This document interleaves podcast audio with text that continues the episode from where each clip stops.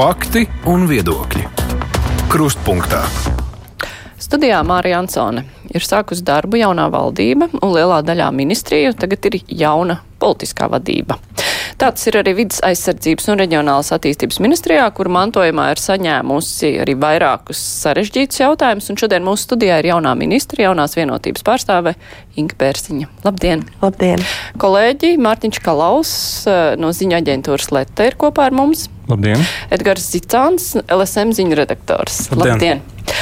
Nu, viens no tiem sarežģītiem jautājumiem, par ko daudz runāja Rēzeknē, tagad vajadzēja būt jau saņemtai mēra Aleksandra Bartaševiča atbildēju saistībā ar finanšu situāciju tur, vai ir šis paskaidrojums jau saņemts? Jā, paskaidrojums ir saņemts. Un kas tur ir iekšā? Nu, nekas jauns, ja tā man jāsaka, un nekas tāds, kas tā kā spētu attaisnot Bartaševiča kungu par tiem pārmetumiem, kas viņam ir izteikti. Um, kādā ziņā nekas jauns, kas spētu attaisnot. Ko tad viņš tur skaidro?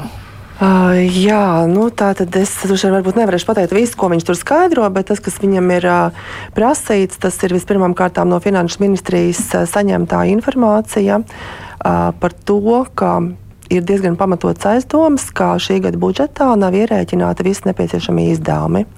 Tas ir aizdoms par to, ka atalgojums pašvaldības iestāžu un arī pašas pašvaldības darbiniekiem nav ierēķināts pilnam kalendāriem gadam. Un atbildē uz šo jautājumu tā līdz galam arī skaidra nav no Reizeknas domas. Tāpēc šobrīd, sadarbojoties un pārunājot arī ar Finanšu ministriju, mēs ļoti gaidām valsts kontrolas atzinumu ko gribētos sagaidīt pirms mēs pieņemam gala lēmumu. Saprotu, ka ar šo atzinumu valsts kontrole nekavēsies, un tad mums arī šī situācija būs skaidrāka. Jo šobrīd ir tā, kā Finanšu ministrija saka, katru reizi pajautājot finanšu informāciju, tiek iesniegts kaut kas cits.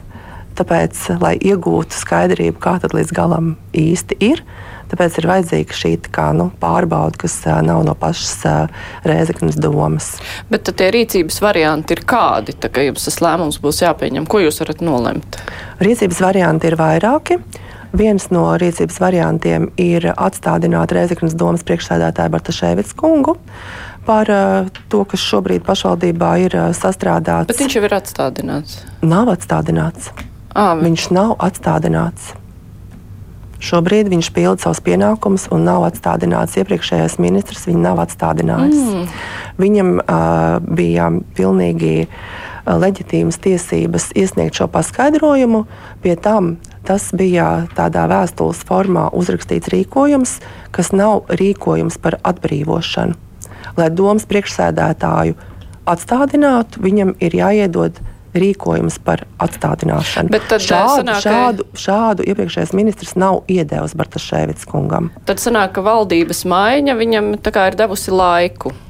Uh, nu, mm, No vienas puses mēs varam skatīt arī to tā, bet man tam īsti negribētos piekrist, jo, īsti, jo dokumentiem jebkurā gadījumā ir jābūt juridiski korektiem, jo nu, es pieļauju, visticamāk, ka Bartaševits kungs tiesāsies. Un tāpēc arī šai procedūrai ir jābūt paveiktai juridiski korekti. Tātad šis rīkojums par atstādināšanu Bartaševits kungam iepriekšējais ministrs nav iedevis. Tā ir neprecīza informācija, kas sākumā būtībā vispār nepareizi izskanēja, pēc tam viņa tika labota. Tātad viens no variantiem ir šī rīkojuma iesniegšana, kur, ja es pareizi atceros, viņam vēl būs piecas dienas laiks lai paskaidrotu un atbildētu uz to. Bet, jebkurā gadījumā, tas ir viens no variantiem. Šajā gadījumā Bartaševits kungs paliek kā domas deputāts, un domai ir jāizvirza cits domas priekšsēdētājs. Cits scenārijs, ko vidas aizsardzības un reģionāla attīstības ministrijā mēs arī šobrīd vērtējam, bet kas nav šobrīd apspriests plašāk, nav apspriests arī ar mūsu koalīcijas partneriem, tas ir par iespējamo Rēzeknas pilsētas domas atstādināšanu. Jo lēmumi attiecībā par budžetu, kas ir pieņemti Rēzeknas pilsētā, Pārsvarā gadījumā tos nav pieņēmis viens Bartaševits kungs. Mēram var pārmest to, ka viņš tos ir gatavojis, bet budžeta apstiprināšana pašvaldībā ir kolektīvs lēmums. Līdz ar to ir pamatots, pamatoti arī vērtēt, vai nav atbrīvojama visa Rēzeknas novada doma. Šādi gadījumi mums Latvijā ir bijuši attiecībā uz vairākām pašvaldībām. Tā kā jā, šobrīd mēs intensīvi pie tā strādājam, varu pilnīgi droši teikt, ka nekāds laiks netiks kavēts. Darīsim to maksimāli ātri, bet arī maksimāli korekti, rēķinoties ar tiesvedībām, kuras var sekot. Kolēģi? Sakiet, bet vai valsts kontrolas atzinuma gaidīšana automātiski nenozīmē, ka šis pasākums ievilksies līdz gada beigām, jo saprotu, ka valsts kontrolē vismaz vēl mēnesis vajadzīgs. Pēc tam visticamāk valsts kontrolas atzinumu varēs apstrīdēt vai, vai sniegt kaut kādus paskaidrojumus. Un kamēr tas galā atzinums stāsies spēkā, un, un tad jūsu komisija to skatīs, Tas nozīmē, ka šogad mēs to nesagaidīsim. Nē, es domāju, tas noteikti notiks, noteikti notiks līdz gada beigām. Man gribētos um, ielikt tādu termiņu, kad nu, novembris tas būtu varbūt tas beidzamais brīdis, līdz kuram šis lēmums būtu jāpieņem.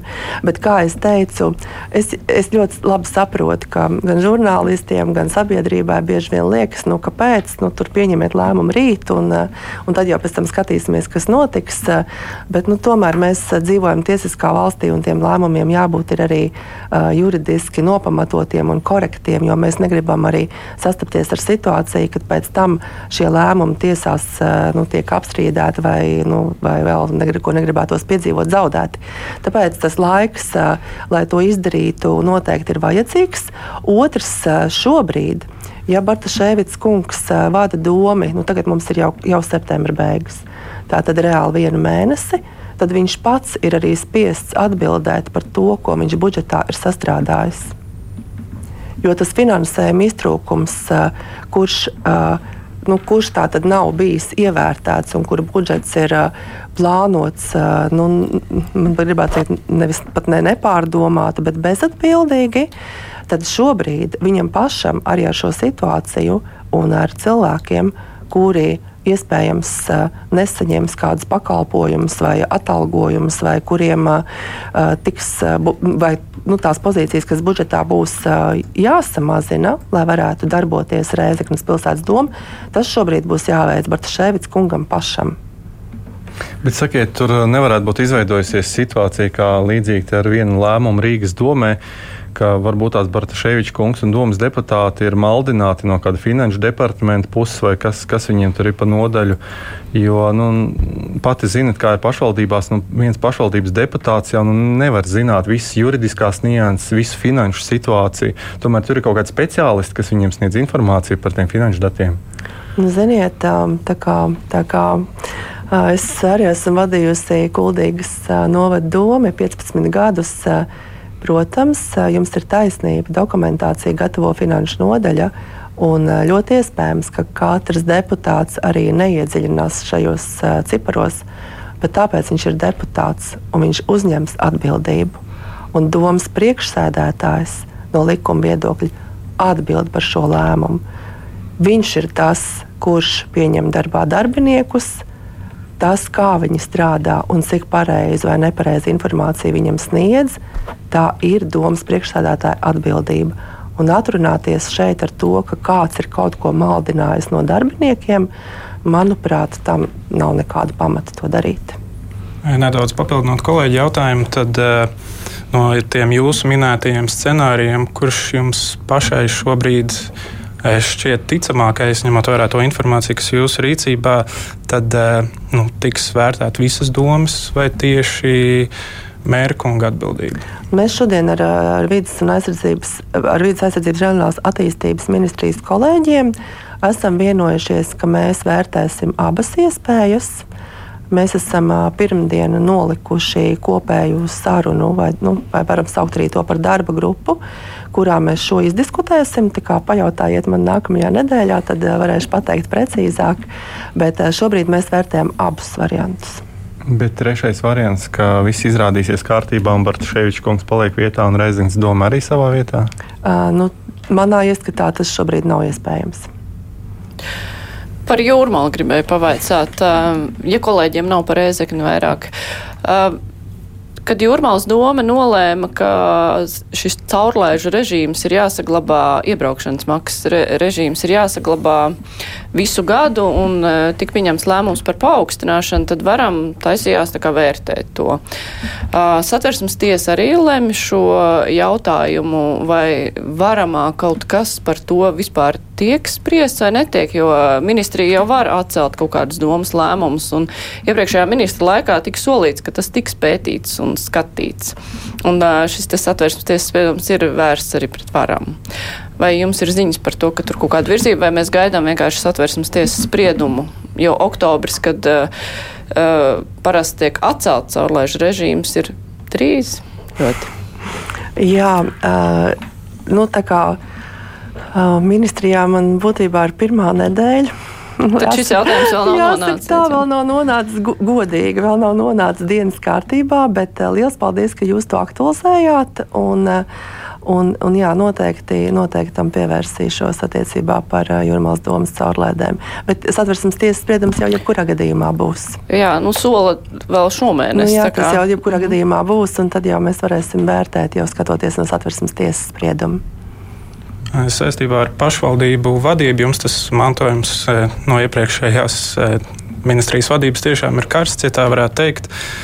Nesen ziņu virsraksts satricināja ziņas par neizdarībām potenciālām citā pašvaldībā, proti, Valmieras novadā, un, kur no, iespējams notikusi krāpšana lielā apmērā.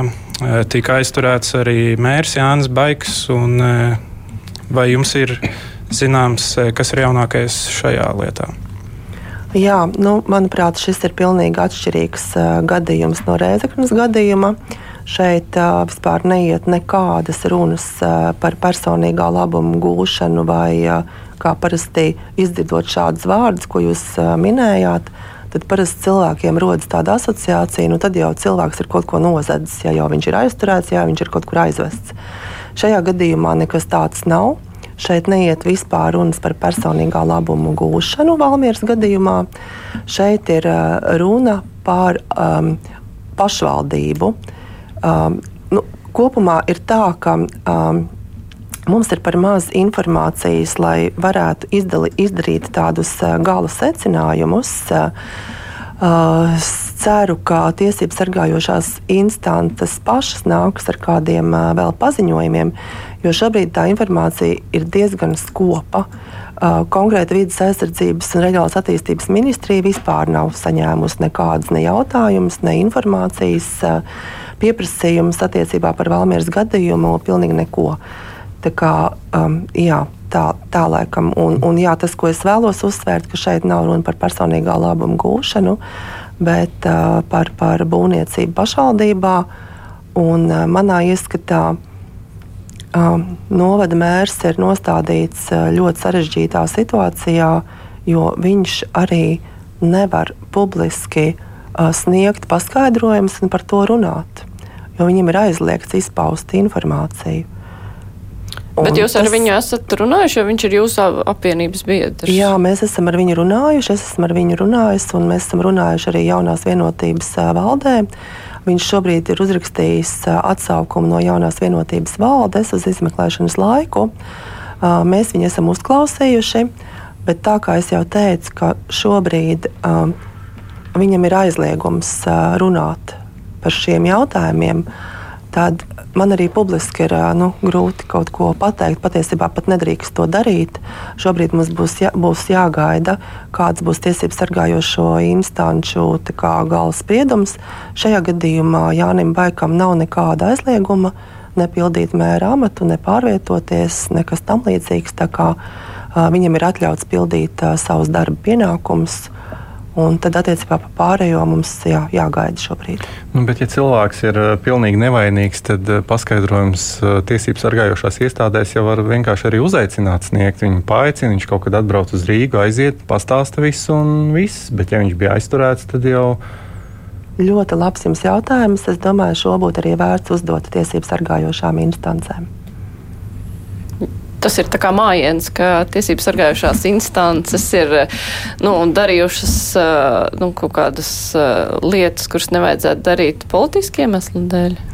Man grūti šobrīd ir nokomentēt šo jautājumu, bet, nu, ja mēs Nu, ja mēs iedomājamies, jebkuru no mums cilvēku ir, ir juridiski atļauts aizturēt uz 36 stundām.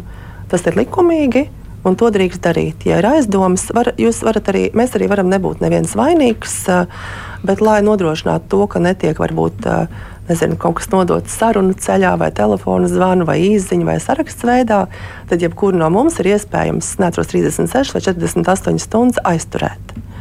Un vienmēr ir jautājums, kādā veidā tas notiek, cik korekti tas notiek.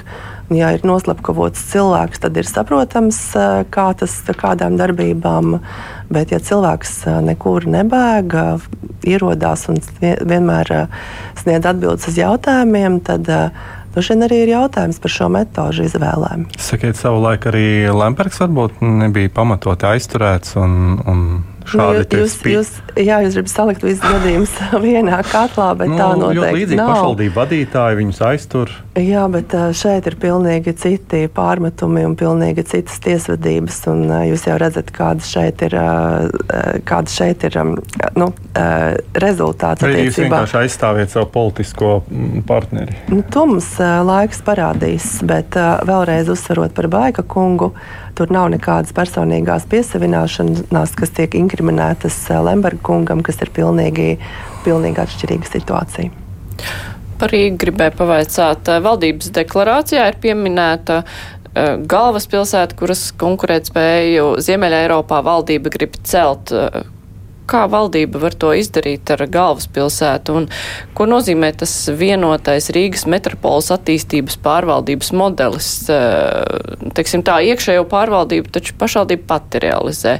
Tas nozīmē, ka valdība grib kaut kādu vēl citu pārvaldību ieviest īpaši galvaspilsētē. Tas ir kaut kas līdzīgs kā galvaspilsētas likums paredzēts. Jā, jā, paldies. Jūs ļoti pareizi to nodefinējāt. Jā, tas, varētu, tas varētu būt vai nu galvaspilsētas likums, vai arī skatīt to plašāk, kā Rīgas metropoles likumu. Uh, nu, šobrīd es varu, izstā, varu padalīties ar uh, savu viedokli attiecībā par um, pašvaldību pārvaldību Latvijā kopumā. Manā ieskatā kopumā Latvijā ir pilnīgi pietiekams viens pašvaldību līmenis, tā kā tas šobrīd ir un sadarbības starp pašvaldībām notiek plānošanas reģionu ietvaros, kas mums ir pieci - Kurzem, Zemgala, Vidzem, Latgala, Rīga. Bet tā kā Rīgas ekonomika kopā ar Rīgas reģionu ir puse no valsts, tad šajā gadījumā tā varētu būt izņēmuma situācija, kur tiek skatīta savādāk.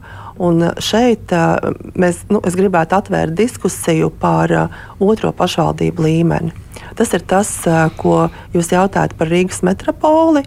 Un kā arī es to saprotu, ka šajā gadījumā Rīga un Pierīga iespējams būtu skatām ne, ne vienkārši kā plānošanas reģiona ietvarā un ne tikai kā struktūra, kurā sadarbojas pašvaldību vadītāji, bet noteikti būtu iespējams vērtēt, vai šeit nebūtu vieta uh, vēl viena līmeņa pašvaldībai, kur tiktu nodefinētas funkcijas, kādas šai pašvaldībai ir jāveic, kas būtu nu, Rīgas metropoles vai Rīgas reģiona. Un tad, protams, būtu šī brīža pašvaldības, kas ir Rīgas apkārtnē, tā skaitā arī Rīga, kā pašvaldības, kā tās ir šobrīd. Nu, tur tas galvenais jautājums, ja tas otrais līmenis, nu kādus tad viņi, tam būtu uh, lēmuma iespējas pār šīm pašvaldībām, kas ir apakšā. Es uh, tīri iedomājos finanšu jautājumi.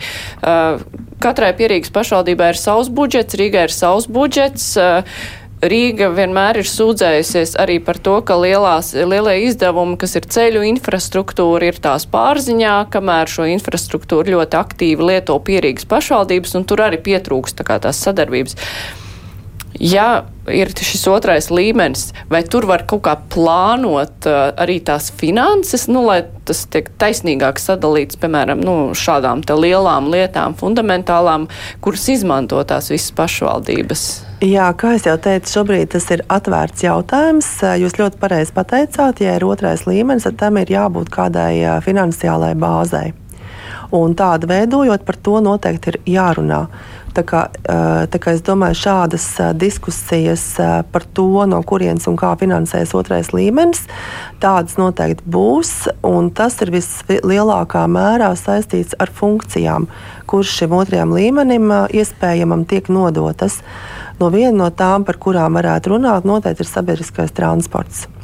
Nu, jūs noteikti paši esat to piedzīvojuši, ka šīs sastāstas starp Rīgu un Pierīgu, kā tas transports tiek organizēts, efektīvāk būtu, ja tas tiktu skatīts tādā nu, plašākā mērogā. Otrs ļoti aktuāls jautājums ir skolu tīkls.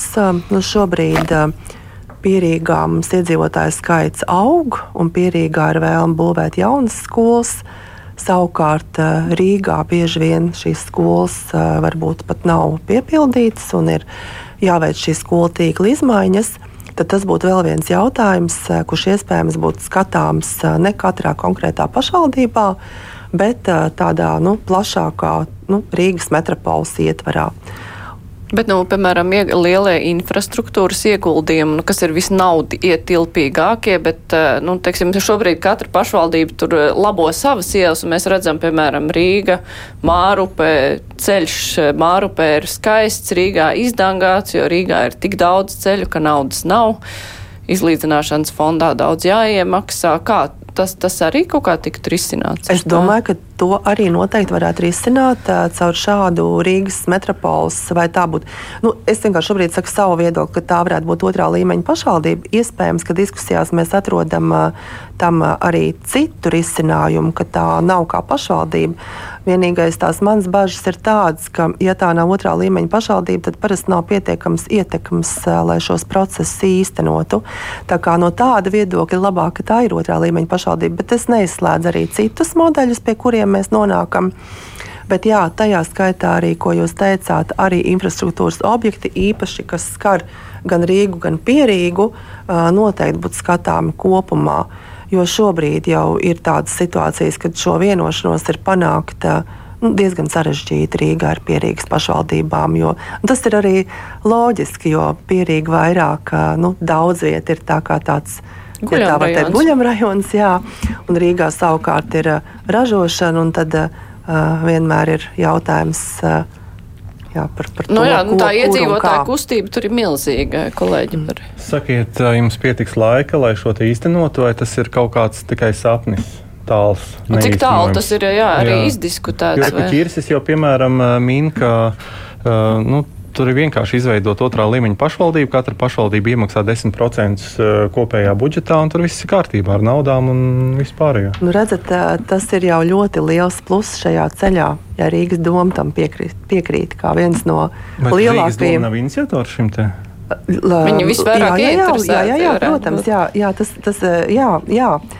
Un tas ir ļoti labi, ka Rīgas domē jau ir šāds viedoklis. Tas nozīmē, ka uh, viss šis process varētu notikt ātrāk, jo sarežģītāk ir tad, uh, ja neviens to īsti līdz galam negrib. Bet, ja ir uh, vēlme to darīt, tad, uh, tad to ir arī iespējams izdarīt. Nu, ja man jāsaka, ir godīgi, tad uh, šobrīd tādas konkrētas iestrāžu nav. Uh, bet uh, man ļoti gribētos pie tā strādāt. Mums ir arī nākamā, man grūti pateikt, vai nākamā, aiznākamā nedēļa plānota arī tāda oficiāla tikšanās un saruna ar Rīgas mēru Vilni Čirsi, kur noteikti šis būs viens no mūsu um, sarunu jautājumiem. Tā kā um, jā, gribās izteikt cerību, tas nav tikai sapnis, bet tā ir realitāte, ko mēs uh, arī apņemsimies nu, paveikt. Bet cik, bet cik ātri to var izdarīt? Tāpēc, ka, nu, piemēram, par eh, pagarinātajiem eh, Rīgas satiksmes autobusu maršrutiem runāju, es nezinu, divus, trīs vai pat vairāk gadus.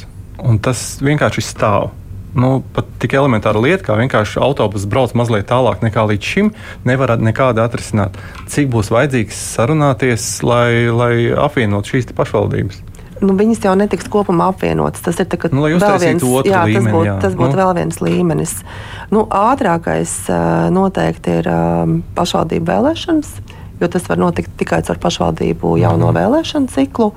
Nu, tas būtu ātrākais. Tagad man pateikt, simtprocentīgi jums apsolīt, ka tas būs pēc pusotra gada pašvaldību vēlēšanām, eh, zinot to, ka pašvaldību vēlēšanām jau visam ir jābūt skaidram, nu, gadu iepriekš nu, vajadzētu būt visam skaidram.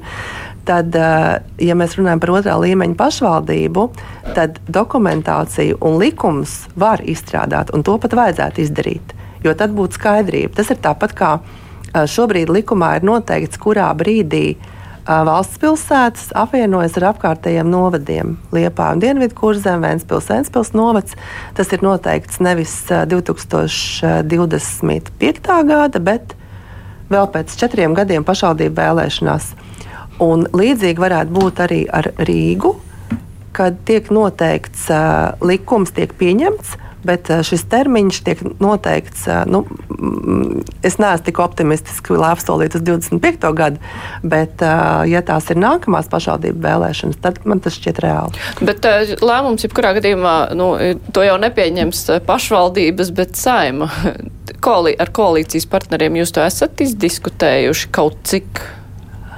Es ja tas ir deklarācijā ierakstīts. Um, Jā, protams, par cik deklarācijā tas ir ierakstīts, tad šāda, šāda vēlme ir no visiem koalīcijas partneriem akceptēta, bet ne par tieši konkrētu pašvaldību ne to veidu, kādā tas tiks izdarīts. Bet kopumā jā. Kā šo procesu varētu ietekmēt, un kādas varbūt ir iestrādes izmaiņām pašvaldību finanšu izlīdzināšanas sistēmai, ko gan pat Rīga bijušā mēra Mārtiņa Staķa personā ir kritizējusi, arī jūsu priekštecis eh, Mārs Sprindžuks. Eh, vai šajā ziņā kaut kas ir pavirzies uz priekšu? Šķiet, ka iepriekšējā koalīcija eh, bija apņēmusies vai pat uzdeva pārskatīt šo sistēmu.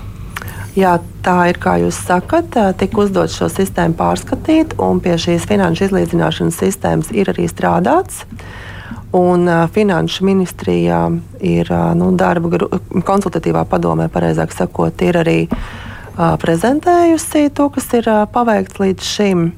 Bet uh, gala lēmums uh, par šo finanšu izlīdzināšanas sistēmu vēl nav pieņemts.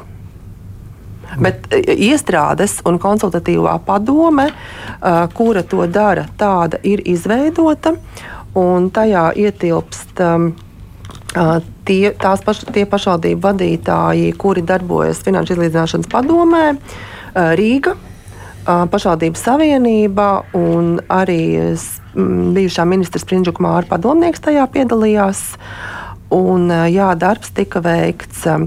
Tas, ko es esmu izdarījusi, esmu šobrīd iepazinusies ar šo sagatavoto modeli, pārunājis ar Finanšu ministriju.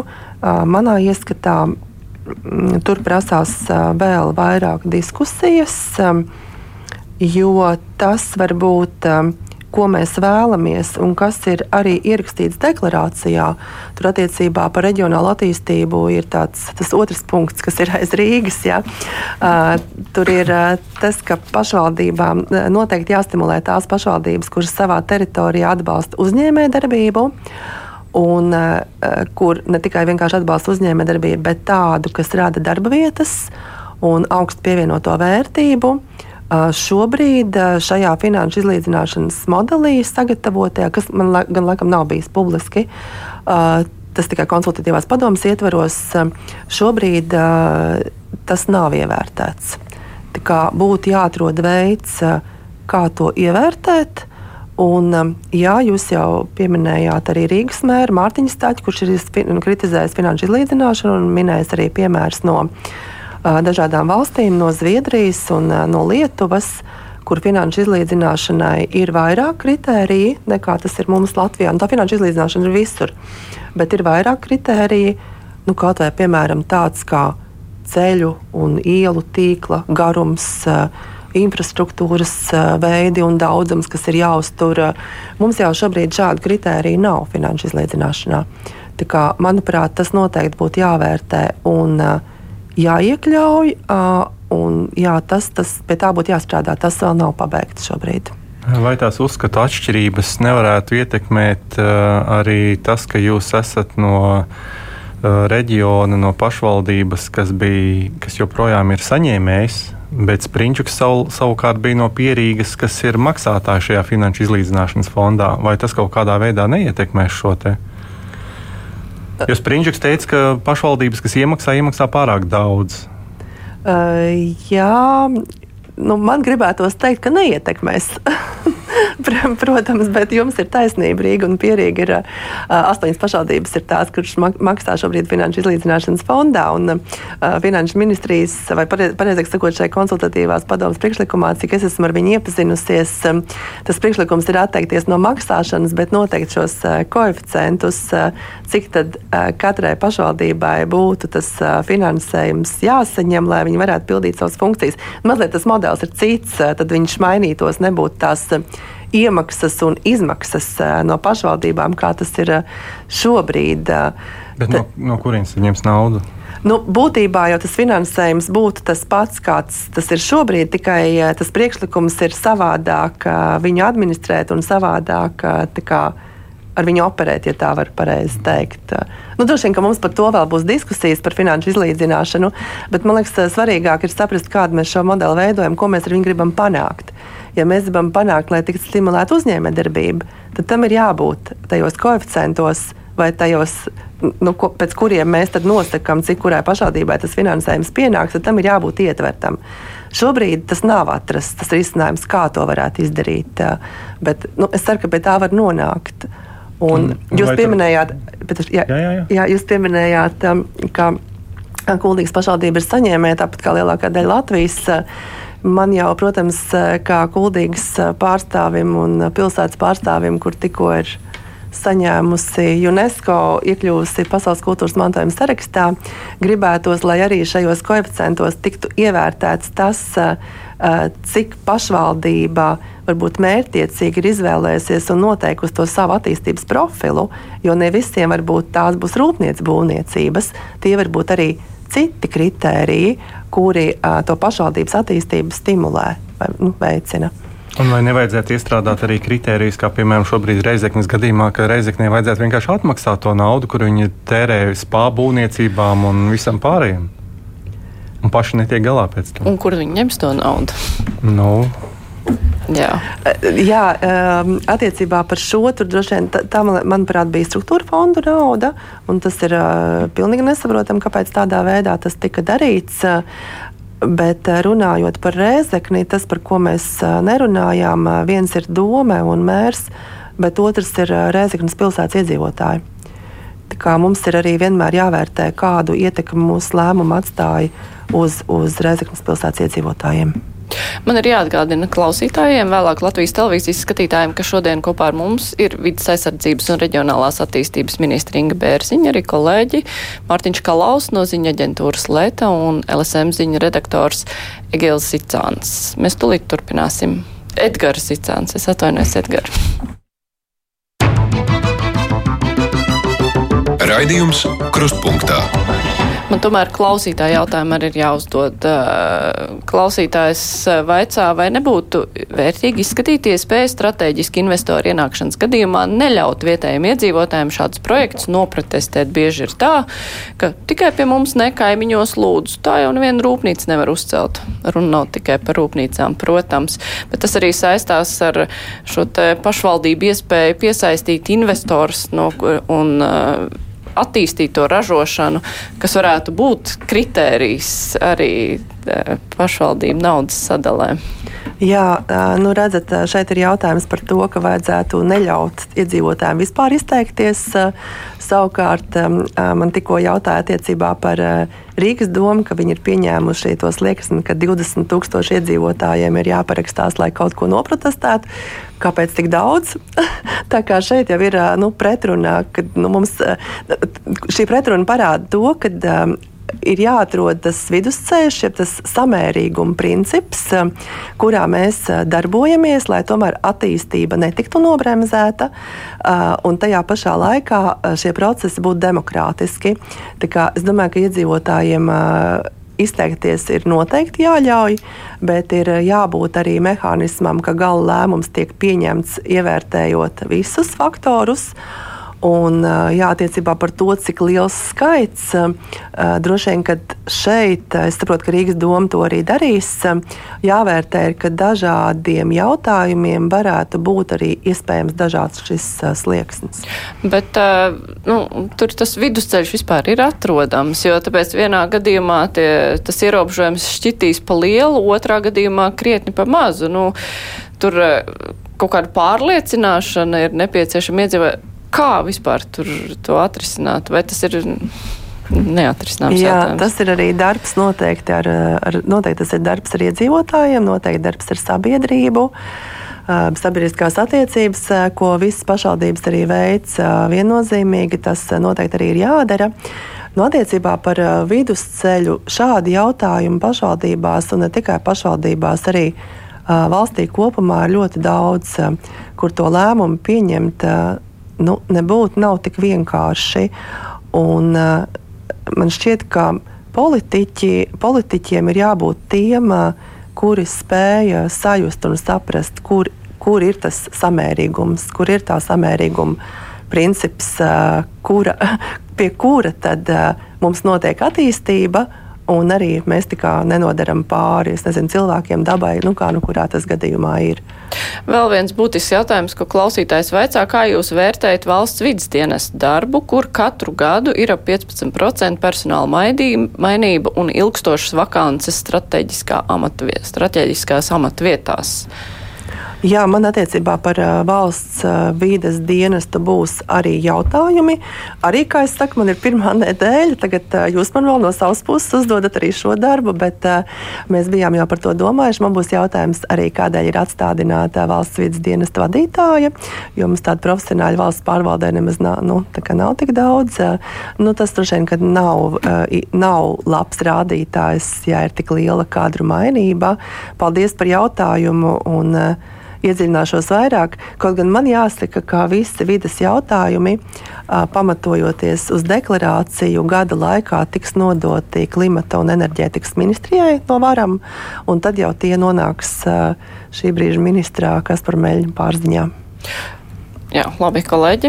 Par šo tieši gribēju jautāt par uh, varam nākotni. Pēc tam, kad uh, vidas aizsardzības joma pāries klimata un enerģētikas ministrijas pārziņā, valdības deklarācijā šīs ir īpaši atrunāts, bet kas pēc tam notiks ar varam, tas gan nav minēts un pēc cik ilga laika. Un uh, valdības tapšanas laikā bija, bija arī runas, ka nu, reģionālās attīstības ministrijai klāt vēl nāktu digitālās lietas. Viņas jau ir. Jā, Viņas tad, jau ir. Un, e, varat paskaidrot, ko nozīmē tās digitālās lietas un kas šajā jomā ir tie steidzamākie jautājumi, kas jārisina? Jā. Uh, vispirms attiecībā par vidas aizsardzības re reģionālās attīstības uh, ministriju. Uh, mans priekšlikums, kurš, kur, kurš gan nav vēl atzīšos līdz galam saskaņots ar KEM ministru, bet uzklausot ministrijas darbiniekus, lai nebūtu tāda nu, ļoti ātrā tempā šie lēmumi netikt pieņemti. Piedevām tagad jau nāk gada beigas, ir jāveido budžets, ir jābūt skaidram nākamā gada budžetam. budžetam. Šobrīd mēs ļoti intensīvi strādājam pie budžeta. Tad uh, man tas priekšlikums būtu nāko, nākamā gada laikā uh, veikt šīs, uh, nu, šo reorganizāciju, un tad nākamā gada laikā arī vides sadaļa tiktu pārcelta pie KEMA, un no budžeta gada, tas ir 2025 uh, vides sadaļa jau būtu pie KEM. Uh, attiecībā par to, kā tas notiek ministrijā, tad, uh, lai nepalielinātu administratīvo resursu, arī šobrīd uh, grāmatvediski, juridiski KEMu apkalpo varams. Nu, šobrīd tas ir varams, pēc tam tas nosaukums mainītos. Uh, tas, uh, es pieļauju, arī turpinātos, un šeit ir viens ļoti būtisks aspekts. Tas ir uh, investīciju sadaļa, jeb um, uh, viss, kas attiecās uz Eiropas Savienības dažādo finanšu instrumentu apguvi. Uh, šī atbildīgā iestāde šobrīd ir varamā, būtu svarīgi to arī paturēt varamā. uh, nepārcelt nekur, jo um, pārceļot un uh, tiek nu, sarežģīts process saskaņošanas ar Eiropas Savienību, un tas var vienkārši iekavēt fondu apguvi. To būtu arī svarīgi saprast, kad arī šī investīcija sadaļa un apkalpošana notiek varamā politiski. Tā var būt darboties no abām ministrijām. Tad, kas paliek um, varamā, kurš vairs nebūs varams, uh, visticamāk tas nosaukums varētu būt Reģionālās attīstības un uh, digitālo lietu ministrija. Um, Un, eh, jā, digitālā joma pie tās noteikti ir ko darīt un strādāt.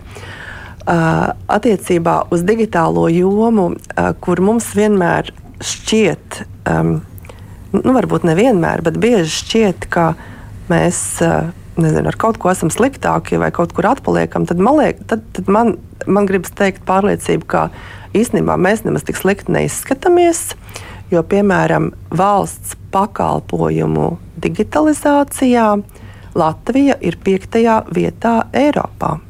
Un tas, manuprāt, ir ļoti labs rādītājs. Bet nevienmēr tas ir kvalitatīvi. Diemžēl dažādas informācijas sistēmas, par kurām cilvēks sūdzās. Bet es citu saistībā ar šo un uh, centrālās vēlēšana komisijas darbu un šo vēlēšanu nodrošināšanu, tas arī būs jūsu ministrijas pārziņā tad ar laiku. Uh, šobrīd ir tā, ka nu, vismaz bija šaubas pašvaldību referendumiem likums pieņemts, bet reāli reāli tos uh, nevarēs veikt, eh, tāpēc, ka nav pietiekamas kapacitātes šīm vēlēšanu sistēmām. Nu, vismaz Eiropas parlamenta vēlēšanas tiks nodrošinātas. Vai jums ir doma, nu, kā stiprināt uh, arī šīs sistēmas, lai mēs nenonākam vēlreiz uh, tādā situācijā, kā bija, ka pat baidījās, ka kas gan varētu notikt ar saimnes vēlēšanām? Labi, ka tās notika. Jā, jā. pie šīm sistēmām, ja, kas attiecas vēlēšanām, pie šīm sistēmām darbs šobrīd notiek. Bet tas, kas būtu svarīgi runājot par digitālo jomu, tad mēs arī no ministrijas esam šobrīd pieprasījuši budžeta prioritātes finansējumu. Kopumā uz nākamo gadu septiņus, nedaudz vairāk kā 7 miljonus eiro. Man ir grūti pateikt, vai tas tiks atbalstīts, jo tā fiskālā telpa budžetā nākamajā gadā ir tiešām ļoti neliela.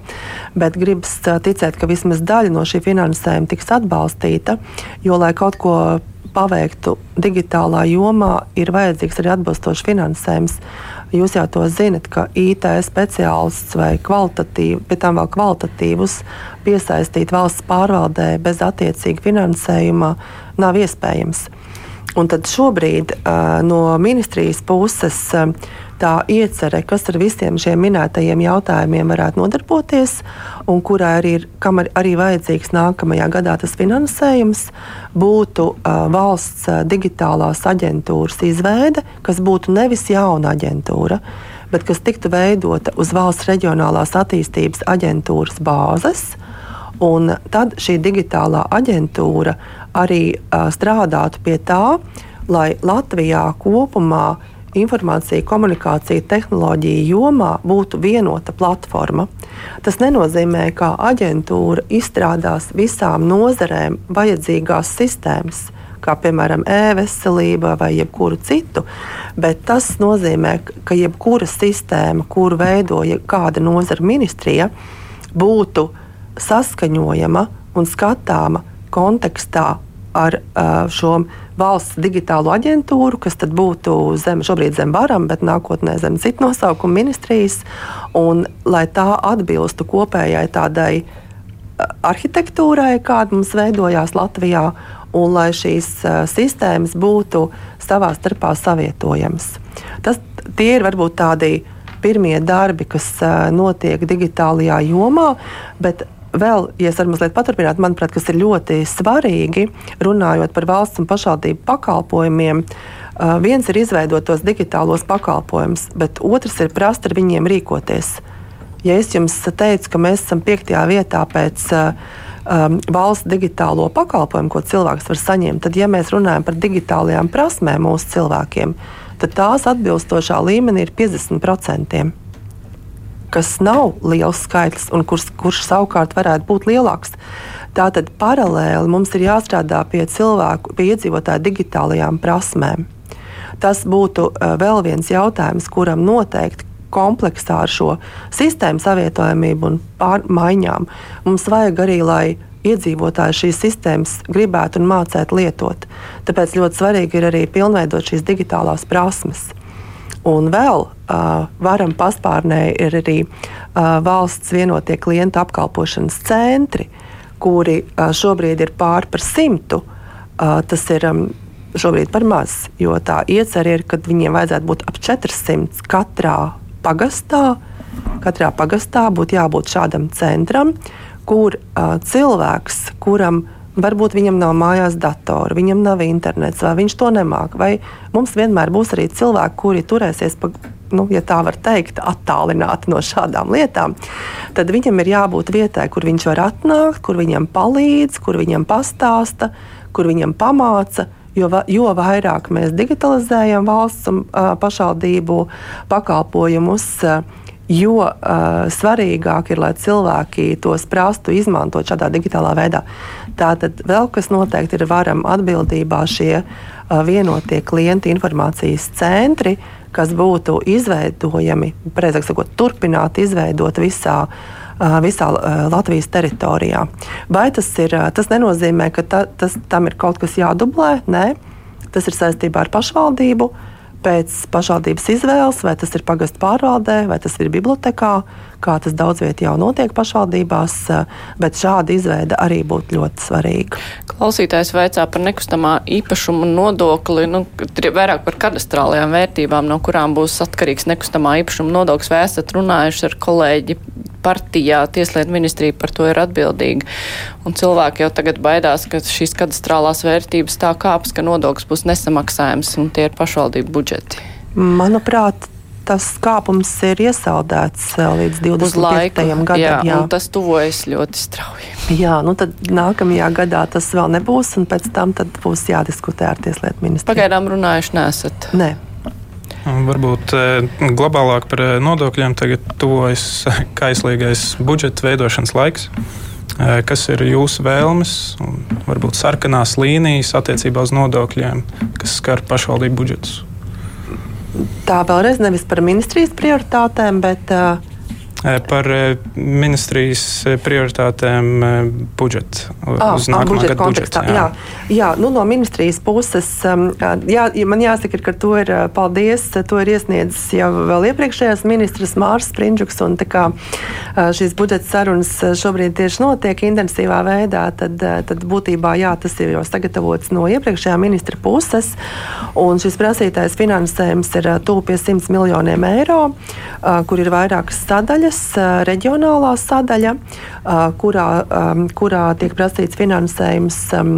Tā ir skaitā tas, ko mēs visi saprotam ar valsts investīciju programmu - 75 miljonu eiro apmērā, un vēl dažādām citām aktivitātēm, kā piemēram atskurptuvēm, kas ir pašvaldībām uzlikt funkcijā ar likumu, bet īsti tur finansējums uzreiz nesekoja līdzi, un dažādiem citiem jautājumiem. Tad reģionālā sadaļa, otrs jau, ko es minēju, Tas ir šī digitālā sadaļa, ko, nu, ko es jau stāstīju, kur mēs prasām 7 miljonus pāri, kur būtu šī valsts digitālās aģentūras izveide un pasākumi, kas arī attiecās uz kiberdrošību, dažādām sistēmām. Un vēl trešā ir vides sadaļa, kur tiek lūgts mazāks finansējums.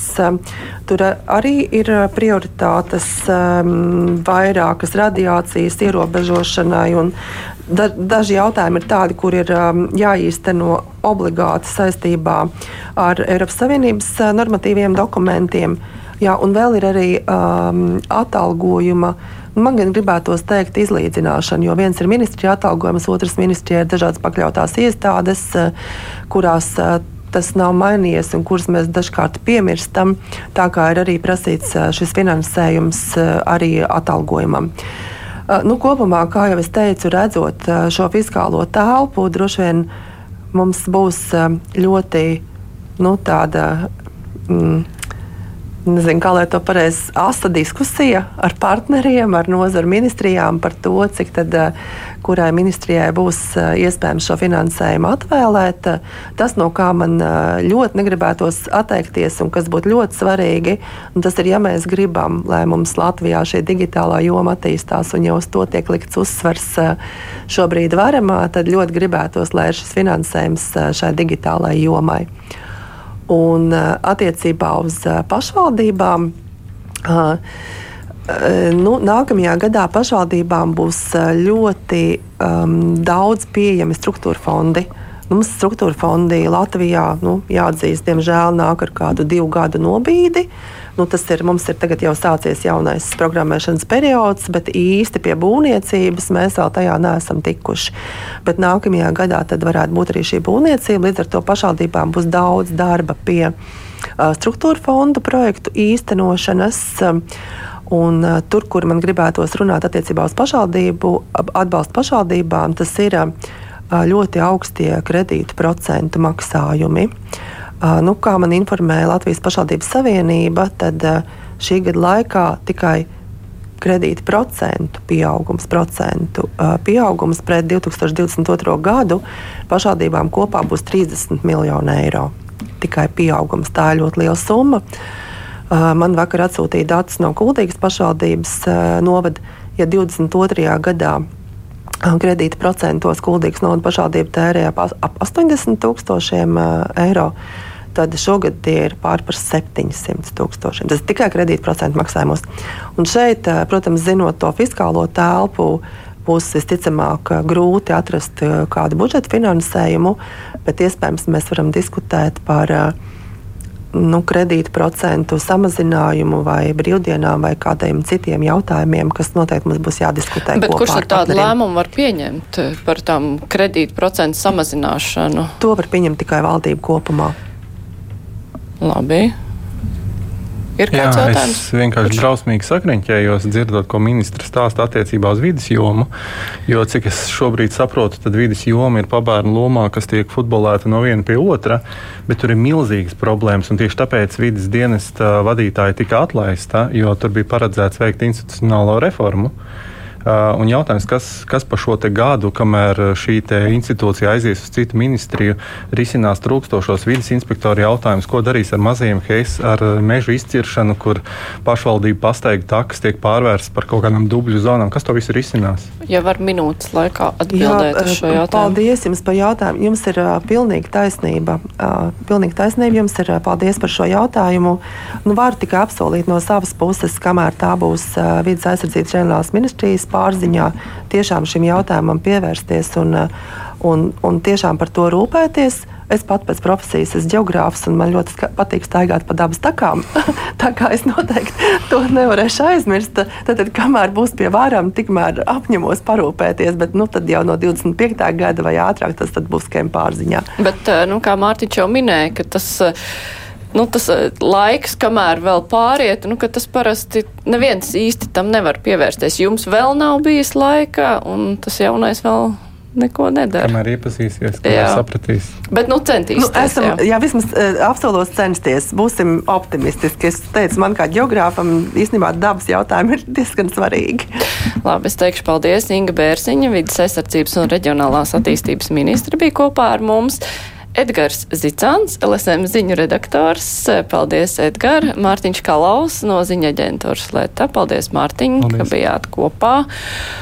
Ar mums rīt kruspunktā ir piekdiena žurnālistu diskusijas laiks, nu, un dušen, ka man nav īpaši jāstāsta, ko mēs rīt visvairāk apspriedīsim. Skaidrs, ka tās būs saimnes priekšsēdētāja vēlēšanas, kas arī pateicoties Latvijas radio studijā notikušajai intervijai, jā, notika šīs vēlēšanas ne tā, kā sākumā bija iecerēts. Tā kā par to runāsim rīt, bet šodien raidījums izskan. Raidījuma producenti ir Ieva Zēze šonadēļ. Studijā bija Mārija Jansone un varat mūs klausīties arī atkārtojumā pēc deviņiem vakarā, ja nedzirdējāt tagad.